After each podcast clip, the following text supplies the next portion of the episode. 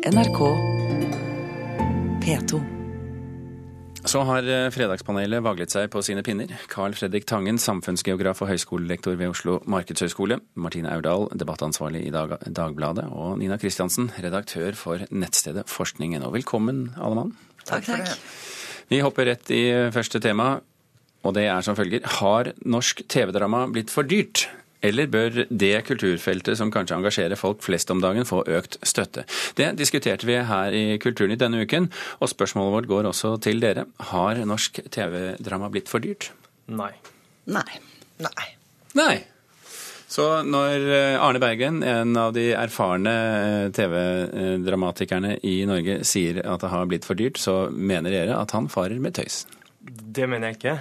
Han har jo jobba mot til Cæsar og produsert masse hvor hver eneste altså, hvor tida er ganske, ganske, billig, så blir det massiv jobbing og mange som får erfaring og sånn. Men det er jo det overordna at alt skal være, skal være billig. Altså, norsk TV-drama trenger penger. Og det, det, det, vil, det vil koste, koste, mye, og noe bør eh, være dyre programmer også. Har Erdal TV-bransjen noe å lære av Bergen her? Jeg leste en artikkel som han skrev i Rushprint nå, som jo var fascinerende. Hvor han, skrev om hvordan de som skriver seriene, ikke kan økonomi, og det er ikke en del av utdannelsen. Og det burde det jo kanskje være. Men jeg syns jo den svært strippa versjonen han skisserte av hvor billig det er mulig å gjøre, både var forlokkende, men også ikke bør være målet på, på suksessen norsk TV-drama. Og så har jo utgiftene blitt firedobla, så vidt jeg skjønner, på få år. Og det er klart det koster penger, men nå har vi jo da endelig fått store internasjonale suksesser, og det har jo både vært målet, og det må vi applaudere, rett og slett. For det er kanskje ikke sånn, Nina Kristiansen, at man skal forsøke å gjøre f.eks. en serie som Nobel billigst mulig, og ikke dra utenlands for å skyte inn disse krigsscenene osv.? Det er det der han har et poeng, da, og jeg tenker at for spørsmålet bør heller være må all TV, norsk TV-dramaproduksjon være dyr? Det må det jo ikke. ikke sant? Noe kan jo være billigere. Og hvis statlig støtte blir en sovepute, og at det er jo det som er kritikken hans, er at fordi man, han sier at man kaster penger etter dem, og at det er liksom ikke begrensninger på hvor mye penger man kan bruke. Så det er klart at det, ambisjonen må jo være å lage godt drama, og ikke uh, se på budsjettet først. Men er det ikke et poeng også da at at, er ikke det hele poenget hans? At man kan lage godt drama? For han, Det er jo ikke det at han vil uh, renonsere på kvaliteten. Han vil bare at man skal oppnå den kvaliteten for en billigere penge. Og, og der har vel alle noe å lære?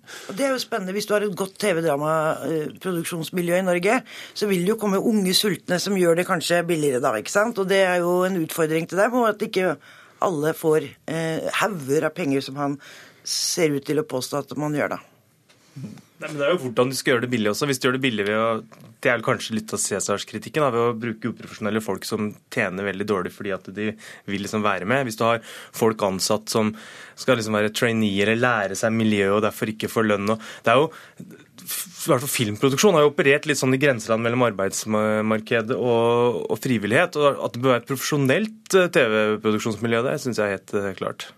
Vi hopper til neste spørsmål. Kjendisbiografier av unge idoler som Marcus og Martinus, Sofie Elise og Martin Ødegaard, de gjør det godt på salgslistene. Men vi trenger ikke biografier av så unge mennesker, sa nynorskmannen Ottar Grepstad i Kulturnytt og litteraturanmelder Katrine Krøger i Dagsnytt 18 denne uken. Spørsmålet vårt er trenger vi sånne biografier? Nei. Jo, jo, klart vi gjør det. Ja. Ja. Hvorfor sier du nei, Kristiansen? Vi trenger det ikke. ikke, ikke sant? Altså jeg, egentlig så hadde jeg liksom lyst til å si at det bør være 67 års aldersgrense for å skrive biografier. Og så tenkte jeg kanskje at Kulturrådet kunne gi unntak til sånne som Jens Stoltenberg og sånn. Men, vi, men, men, jeg mener jo ikke det. fordi at vi trenger ikke disse biografiene. Men er det bra at ungdom leser disse biografiene? Ja. De kunne bare kalt dem noe annet. Mm. Er det Nei, jeg syns jo det blir uh litt trist da, hvis vi skal forbeholde biografisjangeren til de som er over 70 år og, og prisbelønt forfatter, eller 67. Jeg har kjøpt Marcus og Martinus-biografien til dattera mi på seks. Hun har lest hele flere ganger og elsker det. Og det å få seksåringer til å lese sakprosa, det er et mål i seg sjøl, så det er helt strålende at de finnes. Mm, og her sa hun stikkordet 'datteren', fordi det er skille mellom gutter og jenter i dette sjiktet, Karl Fredrik? Skille mellom hvem som leser uh, hva. Hvem som leser. Ja, hvem som leser, hvem som leser hele tatt. Men det er, jo, det er jo ikke umulig å få gutter til å lese på forskjellige måter. Harry Potter er jo et godt eksempel på en bok som blei guttebok. og men det er sånne temaer, og det er jo litt det disse biografiene er. Det er temabøker, handler om fotball, en fotballspiller, en artist eller noe sånt. Da kan du også rette det mot, uh, mot gutter. Men jeg syns ikke poenget nødvendigvis er at biografi er veien til å få folk til å lese. Altså, biografier over et tidspassert over ett år, biografier over ett menneskets dag. Altså det, det, går an å lage ganske interessante ting med ganske konsentrert, eh, konsentrert tema. Så men jeg tror vel at mange av disse biografiene er ganske dårlige. Det syns jeg er verre. Det kan, men det kan biografier være hvis folk er 100 år eller vært døde i 500 år. Og, og, og, det var vel eh, også poenget til Katrine Krøger i hvert fall i Dagsnytt 18, at, eh, at, hun beskylder forlagene bare for å melke en, en, tendens, og så dumper de dårlige bøker på markedet, som, eh, som gjør at folk liksom tror at det er nivået, og hun savner at, at man uh, kjemper for høyere kvalitet. Er ikke det et godt poeng, Erdal? Det er et kjempegodt poeng, og det virka jo som om Katrine Krøger led seg gjennom Sofie Elises eh, selvbiografi her om dagen eh, og var svært skuffa over refleksjonsnivå. Det jo, eh, kan jo også knyttes til alder. Det er klart det. Men, men, poenget her må jo være kvalitet, og ikke hvor gamle de er. Altså, Marcus og Martinus er jo bare 14 år, men de har jo opp opplevd mer enn uh, veldig mange gjør gjennom et liv, i hvert fall sett fra den veldig unge målgruppa sitt ståsted. Altså, for min seksåring er jo det her en, en verden uh, som er mer enn nok uh, å skrive om. Og så skal vi utfordre forlagene på å ha høy nok kvalitet, men det er ikke det samme som skulle holde denne sjangeren hellig, ren og rank. Altså. Jeg, jeg, tenker jo det at altså, Når de begynner å snakke om at den ikke er innafor sjangeren, og sånne ting, så tenker jeg at det er, er ikke så nøye. Eh, det er ikke det, som, det? Det er ikke det. ikke sant? Det som er litt sånn pussig, er at disse folka oppsummerer livet sitt i en veldig ung alder. Men at det er god eller dårlig litteratur er ikke så viktig i forhold til ungdom eh, og leselyst. Altså At barn leser er jo bra. Og vi leste jo Bopsy-barna og annet helt elendig litteratur.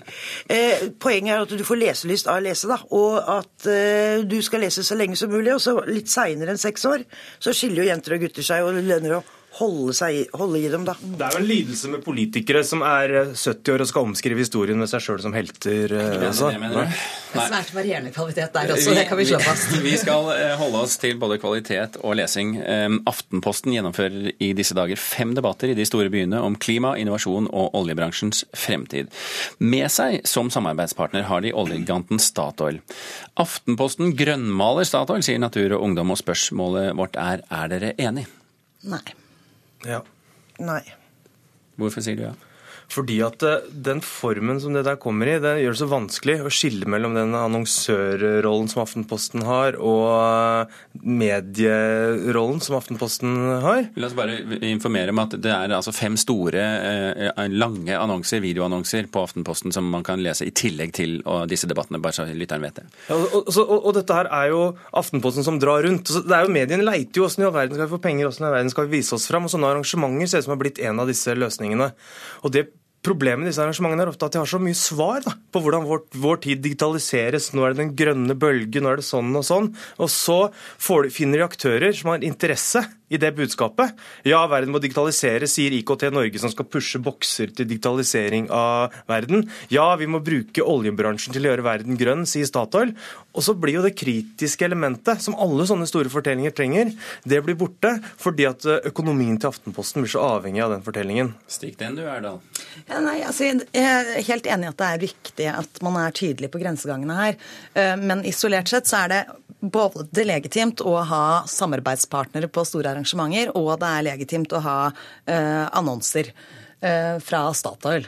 Eh, og så har Aftenposten eh, heldigvis da, til vanlig også en, en, bred og stor dekning og høy kompetanse på dette feltet. Og det avgjørende er jo at de klarer å videreføre den samme kritiske journalistiske holdningen inn også i denne typen samarbeidsprosjekter, og tydeliggjøre for leserne hva som er redaksjonelt og hva som er reklame. Og med en gang det blir utydelig, da er vi inne på farlige veier. Og det er jo et tilbakevendende og økende tema i pressen både innenfor og, og utenfor, med all sånn innholdsmarkedsføring osv. Det er livsfarlig for vår uh, legitimitet. men Derfra til å si at man ikke kan gjøre denne typen samarbeid, det mener jeg blir feil. Nei, det Spørsmålet var om de grønnmalte Statoil. Ja, men da, Det er det samme. Altså Hvis vi mener at det å samarbeide med Statoil om den typen arrangementer er å gå god for Statoil, da kan ikke et medie gjøre det. Jeg, jeg, tviler ikke på at Aftenposten holder stien sin både rein og grønn og fin, og at de skiller det redaksjonelle fra samarbeidet med Statoil og alt det der. Dette her er jo et problem vi har eh, når vi skal ut og hente andre inntekter og andre samarbeidspartnere.